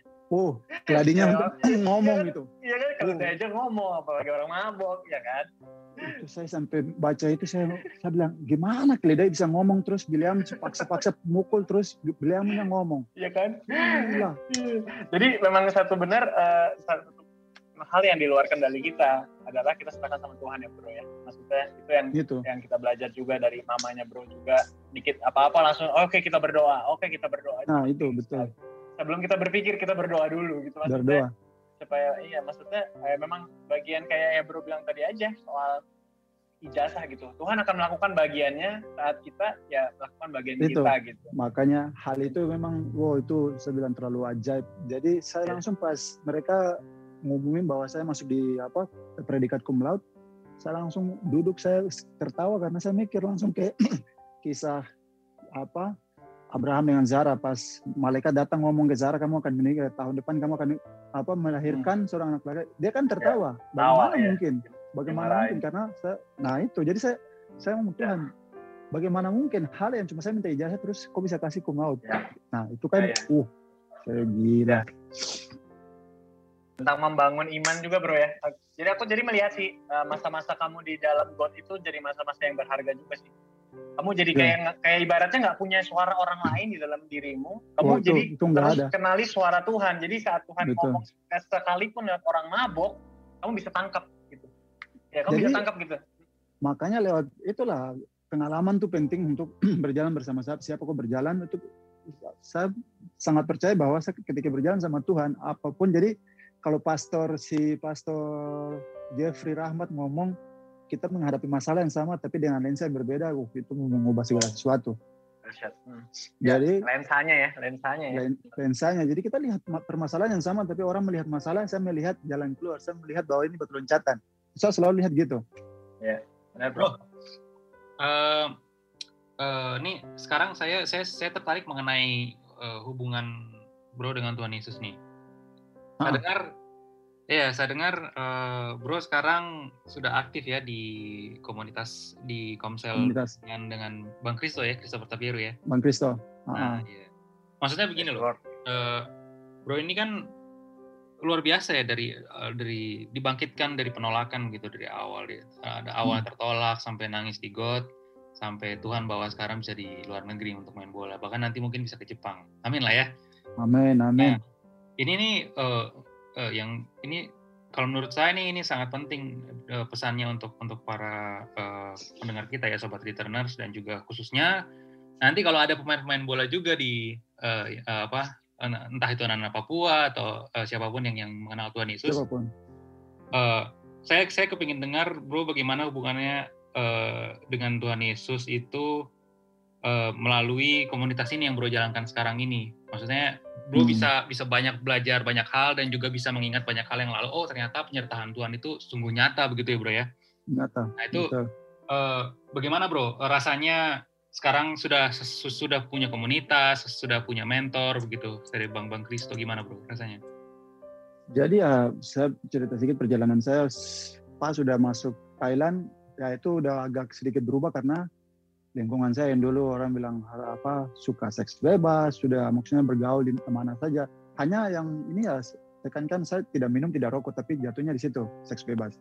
Yeah. Nah, jadi kalau pemikiran saya, secara saya melihat kembali bahwa ya, Tuhan memisahkan saya dari lingkungan. Jadi lingkungan saya yang dahulu di Indonesia, Tuhan memisahkan ke Thailand. Thailand saya mau bergaul sama siapa? Jadi akhirnya ya, semacam ya, ya, tidak ada. Tidak ada. Jadi bergaul itu pun ada teman-teman yang bekerja di sini tapi kan kebanyakan muslim. Tapi betul, jadi saya orang orangnya kan udah biasa terbiasa merantau jadi berbaur. Tapi ya semacam ini macam ada kekosongan sih maksudnya ada kekosongan. Seringkali pas di Thailand sini beberapa kali jatuh dalam ya gitulah. Maksudnya dosa persinahan ya itu tahun kemarin terakhir tuh tahun bulan apa gitu. Jadi saya udah ambil langkah bahwa stop. Maksudnya harus coba saya berhenti karena kalau tidak diri saya sendiri tidak bisa. Jadi akhirnya hal-hal itu yang saya jatuh di situ saya harus coba untuk ini stop. Akhirnya ya satu salah satu hal yang saya hampir merenung dua minggu itu bahwa saya tidak bisa berjanji kepada Tuhan. Hmm. karena kepada manusia ya saya ingkari apalagi kepada kepada Tuhan. Jadi saya bisa nggak bisa ini berjanji. Jadi saya bilang Tuhan dalam hati Tuhan saya coba untuk eh, apa konsisten. Saya bilang saya harus coba untuk konsisten. Tapi saya tidak mau berjanji ya saya bilang saya coba konsisten untuk jalani aja. Nah, jadi saya cuma mohon ya berdoa untuk Roh Kudus nih tuntun saya. Jadi agar saya tidak keluar jalur lagi. Akhirnya ya berjalannya waktu terus saya ketemu si David dia kontak saya. David terus ada teman saya satunya di, Jakarta dia. Mereka sebelum David kontak teman saya ini udah biasa dia karena aktif di perkumpulan gitu. Jadi dia bilang eh kok harus itu cari apa mentor atau orang-orang untuk eh, apa konsel atau apa gitu dari perkumpulan ya, terus saya bilang iya tapi mau dapat di mana? Saya bilang saya jauh di sini. Terus ya gereja juga saya hampir tiga tahun di sini hampir tidak pernah ke gereja ya. Jadi makanya hal itu saya juga rindu. Maksudnya secara kecil kan dari kecil kan saya ingin eh saya bukan ingin dari kecil kan memang saya tumbuh di gereja. Yeah. karena orang tua saya ini hamba Tuhan. Jadi ya itu terus pas David ngomong lagi, eh, coba jadi dia bilang kalau kok ke Jakarta ya kalau kok ke Indonesia nanti coba saja kok ke gereja dia bilang gitu kayak ini jadi mungkin maksudnya dia tuh ke kalian jadi kita duduk kumpul-kumpul gitu dia bilang yeah, yeah. terus jadi dia tekankan harus kok cari mentor gitu jadi ya sudah dari situ memang kerinduan sudah mulai muncul saya doa saya ingat saya doa saya doa Tuhan saya ingin maksudnya mentor. Jadi saya bilang, jadi saya ngomong ini juga kayak pastor ini, Kristo. Hmm. Saya bilang, pas ya, saya ngomong itu tidak sampai dua minggu tidak sampai. Itu pada saat itu langsung saya ikut sekali join untuk acara eh, komsel di hari Rabu, terus langsung pastor dia datangi saya, dia eh, hubungi saya gitu-gitu gitu. Terus akhirnya langsung masuk dalam ini apa jadi dibimbing pastor terus sama ada beberapa orang gitu. Jadi kita jadi saya rasa, uh, akhirnya saya bilang ngomong, saya bersaksi, saya bilang bahwa ya saya cuma waktu itu saya cuma doa saja saya bilang saya ingin mentor, ingin perkumpulan gitu untuk yeah. dibangun, membahas hmm. membangun. Yes. Saya begini terus sampai dua minggu, pastor apa hubungi saya gitu terus sudah akhirnya sampai sekarang jalan. Jadi rasa itu tuh semacam saya macam hari hari saya kan banyak yang kosong, cuma latihan hmm. sore terus wow. sisanya free. Hmm. Jadi itu saya macam merasa ah ini kapan ya. lagi untuk kita ini sih? Kapan kita komsel? Kapan kita ini? Jadi menunggu hari wow, antara Sabtu dengan Rabu. Jadi Beneran. semacam ada jadi ya akhirnya saya bilang si pastor saya tertarik karena kalau ngomong eh, apa kalau lihat di IG-nya pastor itu kan ada Alkitab itu aplikasi. yang biasa di jadi saya karena baca itu saya ih kok macam saya baca gitu diberkati gitu saya tanya judulnya bilang pastor ini apa sih eh, beli di mana gitu. Akhirnya saya ngomong ke Indonesia saya suruh pesan, mereka kirim hmm. tiga minggu tiga minggu sampai. Jadi akhirnya ya sekarang lebih fokus ini sih apa baca. Jadi kalau di Alkitab itu kan ya. ada kakinya kan, jadi kita bisa ya, ya. gambaran. Jadi ya konteks ya, gambaran konteks, gambaran latar belakang gitu ya. Tapi yang teman saya dia ngomong awalnya dia bilang kita apa ibaratnya tuh perkumpulan tuh ibaratnya tuh kita api unggun. Jadi ketika kayu kamu keluar daripada lingku, lingkaran api unggun itu kalau kamu pisah sendiri berarti kamu akan padam. Jadi yeah. memang harus benar-benar berkumpul di satu itu oh, perkumpulan untuk tetap menyala. Uh, itu memang saya ingat betul itu. Makanya ya saya rasa penting, penting untuk uh, apa uh, orang dalam perkumpulan kita punya mentor. Jadi ya sama-sama memberkati seperti Bro bilang ya, besi menajamkan besi. Nah, itu ya. keren. jadi saya rasa, uh, jadi saya ngomong kenapa saya tidak dapat ini dari dulu gitu. jadi ya, kerinduan seperti itu kita akhirnya ya sampai sekarang puji Tuhan masih bergumul maksudnya untuk tetap uh, saya tahu bahwa maksudnya saya punya impian maksudnya tak, saya sebut keinginan hati bahwa saya ingin ke level lebih tinggi yaitu Jepang tapi hmm. di satu sisi Tuhan mengingatkan saya maksudnya saya diingatkan bahwa tidak, kau harus bangun fondasimu lebih kuat dulu. Jadi fondasi ya di mana? Maksudnya kita harus punya waktu dengan Tuhan. Maksudnya tuh ya, ya, ya. apa merenungkan itu saya rasa itu fondasi. Jadi ketika Tuhan memberikan kita tanggung jawab besar, kita tidak mempersa, apa salah gunakan apa tanggung jawab itu. Itu sih iya. sebenarnya ya. untuk saya. Jadi memang komunitas tuh penting banget sih bro ya maksudnya uh, rasa kita itu. jadi tidak sendirian kan kita jadi kayak sendirian. ada dalam kawanan tuh punya rasa lebih tenang lebih aman merasa ada covering gitu ya betul terus seakan-akan kayak apa ya uh, saat kamu kita menundukkan diri gitu misalnya bro Basna ke uh, bro Kristo gitu kayak seakan-akan tuh ada urapan juga yang mengalir dari bro Kristo nah. ke bro Basna gitu kayak betul. jadi kayak seperti Paulus kepada Timotius misalnya gitu kan dia hmm, betul. akan menjadi mirip gitu akan menjadi sama menjadi. seperti seperti apa antara bapak dengan anaknya. Jadi kayak uh, seneng banget sih uh, ternyata David Lali bisa kasih satu kalimat yang kuat banget tertanam di dalam hatimu gitu ya. Akhirnya oh, itu, kamu cari, oh, kamu doa. Hmm, tapi maksudnya tapi itu. itu itu itu warisan luar biasa bro itu dibandingin uang. Maksudnya iya, maka, itu. Makanya betul. Saya ya untungnya maksudnya kita apa namanya bisa mau mendengar sebenarnya kalau kalau orang yang keras hati kan kadang tidak mau mendengar, tapi ya untung ya, bisa ya, kita ya, ya. terima, kita dengar, kita merenungkan. Maksudnya betul, memang ya. betul, kita betul. Ya. Bro, anyway nih bro, aku ada salut juga sama kamu adalah kamu tetap persistence, tetap uh, teguh dengan uh, uh, apa yang kamu mau juga dari kecil. Kalau kamu sebenarnya nggak pengen jadi pemain bola kan, kamu mau jadi hmm. orang kantoran, mau jadi maksudnya sampai akhirnya kamu juga selesaikan S1 walaupun lumayan struggling ya dan sampai sekarang udah hmm. lagi S2 kan lagi S2. Nah, lagi pernah nggak bro waktu di di momen-momen di momen-momen lagi low-low-nya di dalam dunia sepak bola, pernah nggak kepikiran quit dan mau cari uh, pekerjaan yang lain? Lagi Saya... lagi kacau-kacaunya tapi sebenarnya karena cita-citanya kan bukan mau jadi pemain bola nih. Di tengah-tengah ini pernah nggak mulai kepikiran lagi kayak mau ah udahlah gitu, coba cari yang lain pernah gak? Sebenarnya pernah sih karena waktu kita di timnas U23 banyak kita ditawarkan untuk jadi anggota TNI ya. Oh, jadi okay Makanya sekarang kan ada Pestira itu kan banyak pemain teman-teman saya di situ. Jadi mereka oh, kita gitu. ditawarkan. Jadi okay. jadi ketika awalnya kita apa namanya masuk timnas sudah tiga terus TNI itu dia merekrut itu pemain siapa yang mau masuk. Jadi masuk ya itu kayaknya ke, diberi kemudahan untuk masuk. Jadi banyak anak-anak itu yang masuk karena waktu itu sepak bola kita lagi gunjang ganjing juga. Jadi mereka mencari ya untuk aman bukan hanya dari sepak bola tapi ada pendidikan apa ada penghasilan dari pekerjaan lain gitu. Jadi wow. mereka ngambil.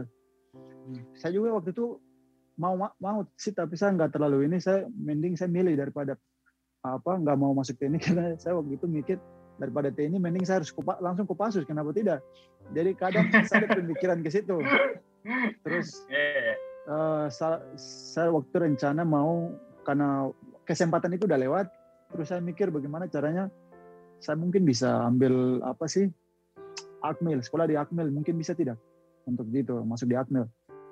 Sempat ada ya pikiran-pikiran gitu. Ya? Pikiran, sudah cek cek cek, tapi memang kalau sudah dimasuk di tingkatan gitu Akmil sudah fokusnya di situ nggak bisa main bola harus bagi gitu nggak bisa. Oh ya nggak bisa.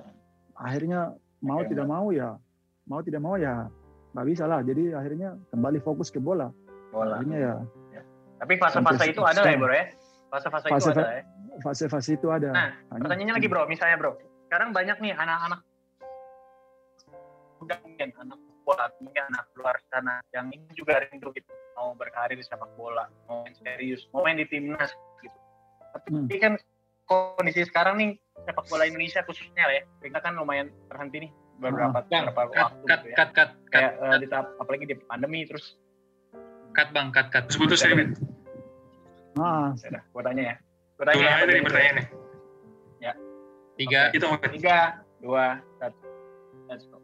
Nah bro, nyambung lagi nih. Maksudnya dari perjawaban tadi adalah uh, kalau sekarang kondisinya sebenarnya banyak juga nih anak-anak Indonesia, mungkin anak Papua juga pengen nih kayak Bro Basna nih kayak benar-benar melihat uh, Bro yang juga punya karir di dalam sepak bola, terus bukan cuma karir tapi mencintai juga sepak bolanya. Jadi hidup dari bola, suka main bola. Hmm. Tapi kondisinya sekarang untuk mereka bisa uh, menanjak atau mereka uh, mungkinnya uji coba atau apa atau sekolah tuh terhambat gara-gara pandemi gitu. Ada nggak sih bro kayak misalnya uh, dari Bro Basta sendiri ngelihat buat anak-anak muda nih adik-adik ini misalnya ada pesan-pesan hmm. gitu misalnya apa yang harus mereka lakukan gitu karena Bro Basta bilang tadi uh, bakat kecil nggak apa-apa yang penting tekun dan kerja keras jadi kan itu kan penting banget jadi kayak hmm. mungkin di bagian ini boleh bro ada nggak sesuatu bro bisa di ini mungkin mereka bisa Kalau... nih untuk saya sih ya Indonesia ini kan banyak maksudnya penduduk ya jadi semua terlahir dengan kita setiap manusia ya terlahir dengan talenta yang ada. Hanya kalau untuk saya pribadi ya semua kita hadapi situasi yang sama. Itu sekarang pandemi ya. Ya, tapi ya puji Tuhan saya diselamatkan dari itu juga. Jadi saya agak dari keluar.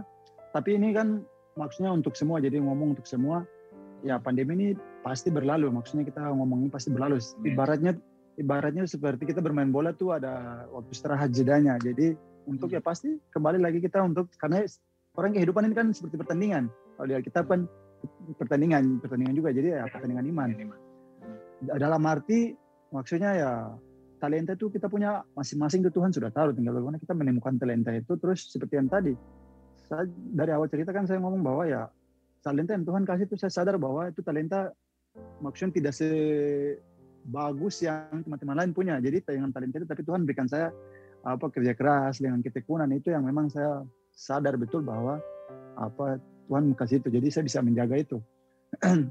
tapi ya untuk saya mau memberikan ini sih semangat apa karena teman-teman yang lain ini bukan pandemi ini pasti berlalu ya kita tetap ketika kita mempersiapkan diri. Jadi ketika pandemi ini berakhir kita udah siap untuk hadapi hari selanjutnya. Maksudnya kita siap bersaing, siap untuk mencari apa, mengejar mimpi dan lain-lain karena ya pasti pandemi ini pasti berlalu. Itu yang harapan saya seperti begitu sebenarnya. Ya, jadi ya semoga cerita dari awal itu kan bisa orang bisa bisa menjadi berkah juga, bisa menjadi ya. pandangan ke depan bahwa ya semua ini ada rencana Tuhan maksud ini, balik semua ini. Betul betul. Jadi memang semenjak Uruguay itu uh, di secara tidak langsung kamu sudah komit untuk di sepak bola, ya kan benar ya? Kan itu bukan pertanyaan nah. juga dari bapak kan, kamu mau jadi apa gitu? Kan jadi jadi gitu. dari situ kamu menentukan gitu ya. Hmm, Mak gitu. mak makanya salah satu motivasi saya untuk apa? Jadi pada saat saya uh, sebelum ujian pagi itu itu saya nggak istirahat dari malam karena berat bebannya karena tanggung beban apa pendidikan ini kan hampir enam tahun, hampir lima tahun ya. lebih lah. Hmm. Terus ujian terakhir, di mana kalau ujian itu selesai, terus beban saya semua terangkat dalam arti tanggung jawab saya untuk apa untuk pendidikan ini kan selesai berarti. Nah itu tanggung jawab. Ya. Jadi akhirnya pada saat sudah dinyatakan lulus, uh itu macam saya udah mikir ah semua beban itu diangkat. Jadi sekarang saya bermain tuh bukan 40-60 lagi, 40-60 persen, tapi bermain 100 persen karena pendidikan saya udah selesaikan seperti itu. Oke. Jadi sebenarnya satu lagi bro, ini pertanyaan agak unik nih sebenarnya dari tim podcast kita nih. Soal pendidikan tadi. Tadi tanya gini, kalau misalnya nih dikasih kesempatan bro uh, Yanto Basta jadi menteri di Indonesia, pengennya jadi di bagian apa bro? Ini pertanyaan unik banget sebenarnya. Eh mungkin ada terbesit karena kan bro kan emang mungkin pernah memperhatikan satu sektor juga. Nah kalau itu tuh pembahasan menarik kemarin kita ngomong ngomong itu kita dengan saya dengan Pastor Kristo kita ngomong tentang ya tapi saya lebih menyoroti ke ini sih apa itu kan orang bilang kalau menteri itu jabatannya udah ini nanti lah maksudnya suatu saat kan hmm. suatu saat.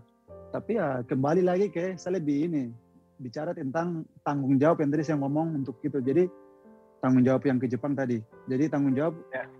kalau Tuhan kasih semakin tinggi itu apa fondasi kita harus kuat. Jadi saya dalam dua minggu ya, kemarin yeah, tuh saya saya memikirkan maksudnya tinggal pikir terus bahwa apa namanya saya sudah siap tidak kalau dikasih tanggung jawab besar semacam itu jadi ya. apakah fondasi saya sudah kuat belum jadi kalau ya. sebenarnya kalau macam pertanyaan semacam itu ya saya mikir pasti hal-hal simpel seperti yang tadi saya mikir Jepang kalau memang Tuhan kasih saya tanggung jawab besar saya kalau fondasinya sudah kuat saya tidak saat menyalahgunakan dalam arti saya Tuhan, menjaga Tuhan, itu. Tuhan kasih uh, Tuhan kasih yang kecil-kecil dulu nanti makin lama makin besar ya, Bro ya. Nah, itu. Jadi makanya jangan sampai saya takutnya jangan sampai saya bilang Tuhan jangan sampai ketika Tuhan engkau kasih saya misalnya main di Jepang terus fondasi saya tidak kuat terus oh saya lebih bisa hancur lagi tuh lebih bisa lebih kacau menggunakan kekuasaan saya itu untuk apa memenuhi nafsu saya semacam ya, itu. Ya. ya. Jadi nah, sebenarnya pertanyaan ini pertanyaan ini nggak terlalu jauh sih bro karena menurutku once kita punya uh, doa mau dipakai Tuhan, Tuhan tuh akan bisa bawa kita ke mana aja, benar nggak? Abis benar. kamu kamu dari pemain bola, abis itu jadi pelatih, abis itu jadi menteri kita nggak tahu. Tapi misalnya Betul. pertanyaan ini dilontarkan gitu ya. Kira-kira bro, itu tadi belum terjawab tuh bro. Mau Tapi, jadi menteri di bagian ya. apa? ya itu yang tadi saya lupa dijawab. Jadi ya sama yang bicara tanggung jawab besar ya paling kalau saya sih ya karena lebih ke olahraga sih maksudnya menteri lebih apa ke olahraga paling ke olahraga semacam gitulah wow nah wow. Ya, ya. Begitu. Menarik, menarik. Bro, bro. Luar biasa karat. Ya apa? Oh, sorry, sorry bang. bro, ini eh, ngomong-ngomong soal ini ya, soal karir. Tadi ini, ini ada yang tanya soal menteri ya, bro. Nah, ini saya Terus eh, saya saya tertarik mengenai pendidikan nih, bro. Maksudnya eh, bro ini Ah. kan pemain bola ya. Nah, Iya. bro bilang sekarang lagi S2 nih. ah, Gila. Nah, apa yang maksudnya begini loh. eh, saya ini juga eh, buat pesan juga buat anak-anak anak-anak eh, anak-anak bola juga di sana di di Indonesia. Kenapa nih bro tertarik untuk lanjut sampai S2 bahkan nanti bahkan UNY bilang lanjut aja sampai S3 begitu ya. iya jadi Nah, kenapa bro? Gimana bro apa, maksudnya pendidikan penting sebenarnya untuk kita kita bermain bola bukan hanya mengandalkan fisik ini tapi ya ibaratnya gitu ya maksudnya kita harus pakai otak juga Mau pakai otak dalam arti kita hidup ini kan bukan hanya dalam lapangan tetapi nanti keluar lapangan ya hal itu yang kita pakai sebenarnya Yes. yes. dan saya termot sebenarnya termotivasi dari orang tua saya mereka ya ada bahasa maksudnya dulu jadi bahasa motivasi mereka bilang "Ah, kalau bapak S1 berarti anak harus S2 seperti gitu jadi ya saya lebih ini maksudnya oh ya maksudnya sudah S1 oke saya udah gen- apa udah menepati janji daripada almarhum jadi maksudnya Oke. dia ingin saya selesaikan pendidikan. Eh kalau begitu, jadi salah satu terus kalau ada kesempatan S2 pas S2, oke lah saya ambil lah karena bapak saya S1, dia S2 semacam begitu. Jadi makanya saya terapkan hal-hal gitu ke adik-adik saya juga. Saya bilang kalau saya bisa beli ibu mobil, karena saya rencana gitu mau beli ibu mobil. Saya mau, kalau saya ingin kakak beli ibu mobil berarti kalian tanggung jawab beli ibu pesawat gitu. Jadi tidak bisa sama.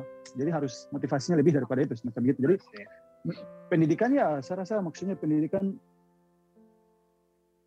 untuk kalau untuk saya sih yang penting saya ada pendidikan maksudnya ada ijazah sekarang orang bekerja atau apa orang butuh ijazah semua Betul. orang di satpam aja yang semacam di satpam aja orang butuh ijazah jadi kita hanya kalau bilang S1 oke semua punya S1 ada tapi ya kalau S2 kalau bisa lebih kenapa tidak semacam itu apalagi kita di usia muda kalau kita bisa mengambil itu di usia muda kenapa tidak semacam itu Bro. Eh, kalau boleh tahu jurusan apa bro? olahraga sama Olahraga? semua sejalan. Wow, Jadi hebat nih. Pak Menteri. Pak Menteri, Pang- kita panggilan nubuatkan pang- saja gimana?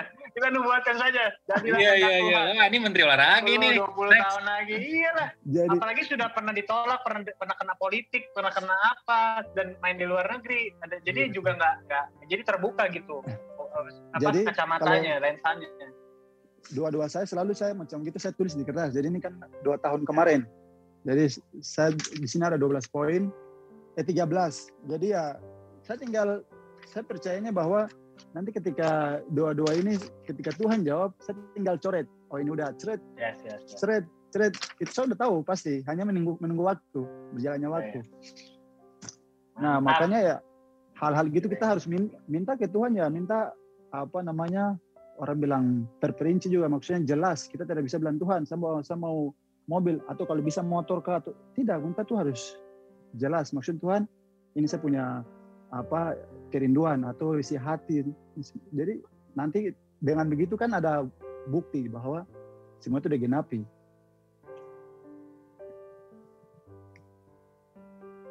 jadi semacam Mantap begitu bro, benar-benar eh, hari ini eh, powerful banget sih kesaksiannya. Iya. Benar-benar luar biasa. Balance, balance, balance, balance. Iya. Gua ini sih eh, yang yang yang saya suka dari dari Bro Basna ini adalah ini hal poin-poin penting menurut menurut saya yang yang ini sebelum kita closing ya. Hmm. Sebelum kita closing.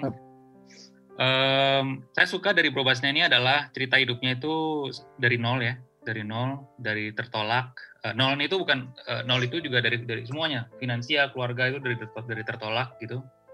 Sampai Tuhan angkat sampai jadi kepala begitu kan. Maksudnya Tuhan angkat sampai sampai sekarang bisa di luar negeri sampai sampai punya pendidikan begitu sampai orang dari dari awalnya yang tidak diakui oleh keluarga sampai sekarang bisa diakui itu itu semua bukan karena kekuatan sendiri ya bro ya tapi Tuhan lah yang Tuhan Betul. yang angkat ya dari semua apa dari penderitaan dari isak tangis dari semuanya sekarang bro ada di sini sekarang dan ya kita yakin juga ini pasti rencana Tuhan ya bro bro bisa bersaksi di sini Tuhan. supaya ini pasti pasti jadi berkat untuk orang lain juga yang mendengar ini bro gitu betul jadi itu sih yang yang yang saya suka dari dari dari bro itu sih. Nah bro nih kira-kira ada nggak nih bro eh, ayat untuk menguatkan juga para pendengar kita nih sobat returners untuk mereka hmm. yang seperti mungkin ada yang tobasna juga di luar sana yang yang saat ini sedang merasakan atau mungkin lagi sedang di dalam titik terendahnya supaya mereka tetap bisa punya pengharapan dalam Tuhan Yesus. Mungkin yang tadi di kejadian atau uh, yang kejadian 50 atau atau yang ini tadi, sih yang lain? Ada yang ada ini sih pas lagi kayaknya mengingatkan jadi saya apa namanya eh, kembali saya ingat pas tadi ngomong itu saya ingat uh, satu jadi pada saat saya waktu kecil ditolak dan lain-lain, baru ditolak nih oleh keluarga dekat inti. Tapi. Iya. salah satu hal yang al almarhum bapak saya yang ngomong bahwa dia bilang kamu jangan anggap remeh anak-anak seperti gini. Dia bilang anak-anak seperti gini, maksudnya dalam arti dalam latar belakang seperti gini. Karena hmm. kamu tidak tahu orang-orang seperti begini biasa Tuhan pakai. Itu beliau bicara tuh jelas, ngomong tuh wow. jelas. Jadi dia bilang jangan kamu menganggap remeh anak-anak. Dia ngomong ke keluarganya itu. Jadi pada saat mereka ngomong apa gitu dia ngomong jelas. Nah makanya semua itu tergenapi. Dan yeah. hal yang paling menarik dari saya punya orang tua almarhum bapak ini adalah dia tuh men, apa memanusia memanusia manusiakan lain. Dalam arti orang yang dia udah bimbing tuntun itu menjadi orang sukses itu banyak. Makanya hal-hal itu yang selalu saya ingin seperti beliau teladan-teladan seperti begitu. Terus apa yang beliau dia ngomong hampir tidak pernah meleset karena ngomong apa Tuhan berikan hikmat yang luar biasa. Uh itu jadi saya beruntung itu. Jadi dibesarkan oleh beliau. Ya, nah, dalam tadi yang paling saya seroti ya banyak orang atau anak-anak seperti saya masa lalu masa kelam apa begitu ya. Mereka itu sih tadi ingat saya ayat yang tadi Mazmur itu terus yang saya ini ingat ini itu tadi di Mazmur eh 2 Samuel 2 Samuel 7 ayat 18 itu doa syukur Daud yang kemarin saya sempat ngomong bahwa bilang Tuhan siapakah aku dan siapakah keluargaku sehingga engkau mengangkat aku sedemikian ini. Oh, uh, itu saya kalau baca itu tuh saya macam baca ulang-ulang tuh saya macam merasa tuh macam saya punya api itu dalam itu menyala terus saya, yep. jadi akhirnya saya semacam baca itu saya kalau ketika memikirkan target dan tujuan saya saya bilang saya pasti ke sana saya pasti hanya menunggu waktu saya cuma dalam hati seperti itu jadi yeah, saya yeah. mengimani itu Nah, jadi ya saya rasa kita semua sama. Jadi kita semua terlahir sebelum kita lahir di bumi ya Tuhan udah tahu. Maksudnya udah sebelum adanya hari kita di bumi ya, sebelum kita itu pasti maksudnya Tuhan udah tahu kita punya tujuan hidup seperti apa. Entah mungkin kita terlahir mungkin dengan keluarga berbeda-beda, tapi tujuan itu spesifik tuh ada dalam kita setiap orang, itu pasti. Jadi ya dengan berjalannya dulu kalau saya ingat kutipan orang tua saya karena saya ini kan orang bilang tadi saya cerita nakal ya karena ingin dapat pengakuan dari luar dari dari dari lingkungan akhirnya ya saya kalau untuk sekolah tuh agak sedikit bolong-bolong gitu gitu tapi ketika apa namanya orang tua saya mereka ngomong kamu ini udah tidak sekolah baik udah apa bolos sekolah nakal. Apa orang bilang main bola juga setengah-setengah pada waktu itu. Terus apa yang kamu mengharapkan? Dia bilang apa yang kamu mengharapkan? Ingat senakal-nakal apa pun tapi ingat jangan lupakan Tuhan karena ini satu harapan dia bilang. Jadi kalau kau sudah tidak punya semua terus lupa Tuhan lagi kamu jadi apa sebenarnya? Jadi makanya hal itu memang betul bahwa kita mau sebusuk jelek apa pun tapi ya kita harus punya pegang satu pegangan yang pasti yaitu Tuhan ya. itu itu memang itu jelas itu jelas dari makanya saya ingat-ingat itu tuh kalau kata-kata itu pasti jelas jadi jangan kita apa udah kita orang bilang udah udah bodoh udah dongo lupa Tuhan lagi semacam begitu. Jadi ya, ya. hanya Tuhan yang bisa mengubah itu. Saya yakin dan percaya. Ya ya, benar-benar luar biasa. Wah dahsyat. Yang benar-benar satu juga ayat yang dibilang Tuhanlah yang bekerja dalam segala hal mendatangkan kebaikan. Nah ya. itu. bagi siapa yang terpanggil, yang mencari dan. Terpanggil betul. jadi benar-benar uh, hari ini banyak belajar banget bro dari pengalaman hidup bro. Percayalah uh, apa ya, emang betul. benar si Tuhan bilang uh, uh, apa yang kita laluin tuh itu nggak akan sia-sia sih perjalanan bersama Tuhan gitu dan saat ada kita tahu ada orang merasa di, orang diberkati melalui hidup kita itu ada sukacita yang meluap-luap yang nggak nggak bisa nah.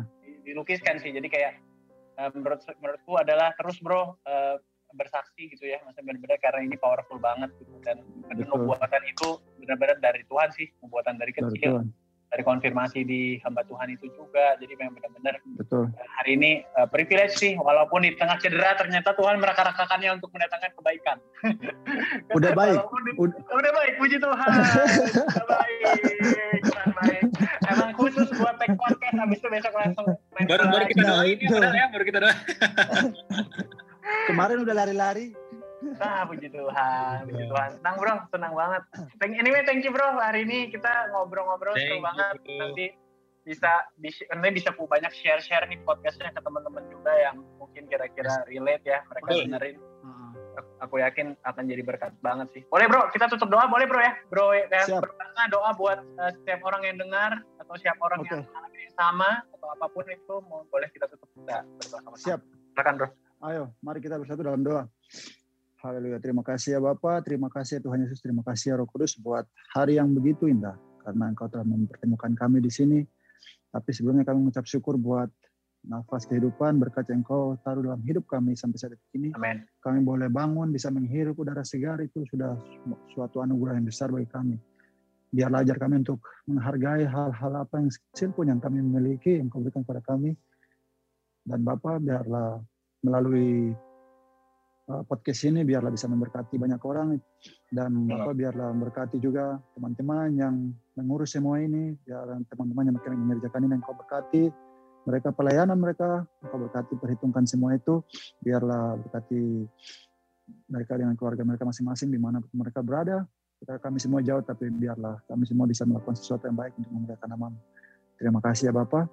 Uh, kami berdoa juga untuk kisah-kisah yang tadi kami baru sampaikan, Bapak biarlah itu semua bisa menjadi berkat bagi orang yang mendengar, karena saya percaya bahwa orang-orang di luar sana mempunyai banyak masalah yang berbeda-beda, tapi ketika uh, apa yang kami bagikan ini bisa menjadi suatu jawaban bagi mereka.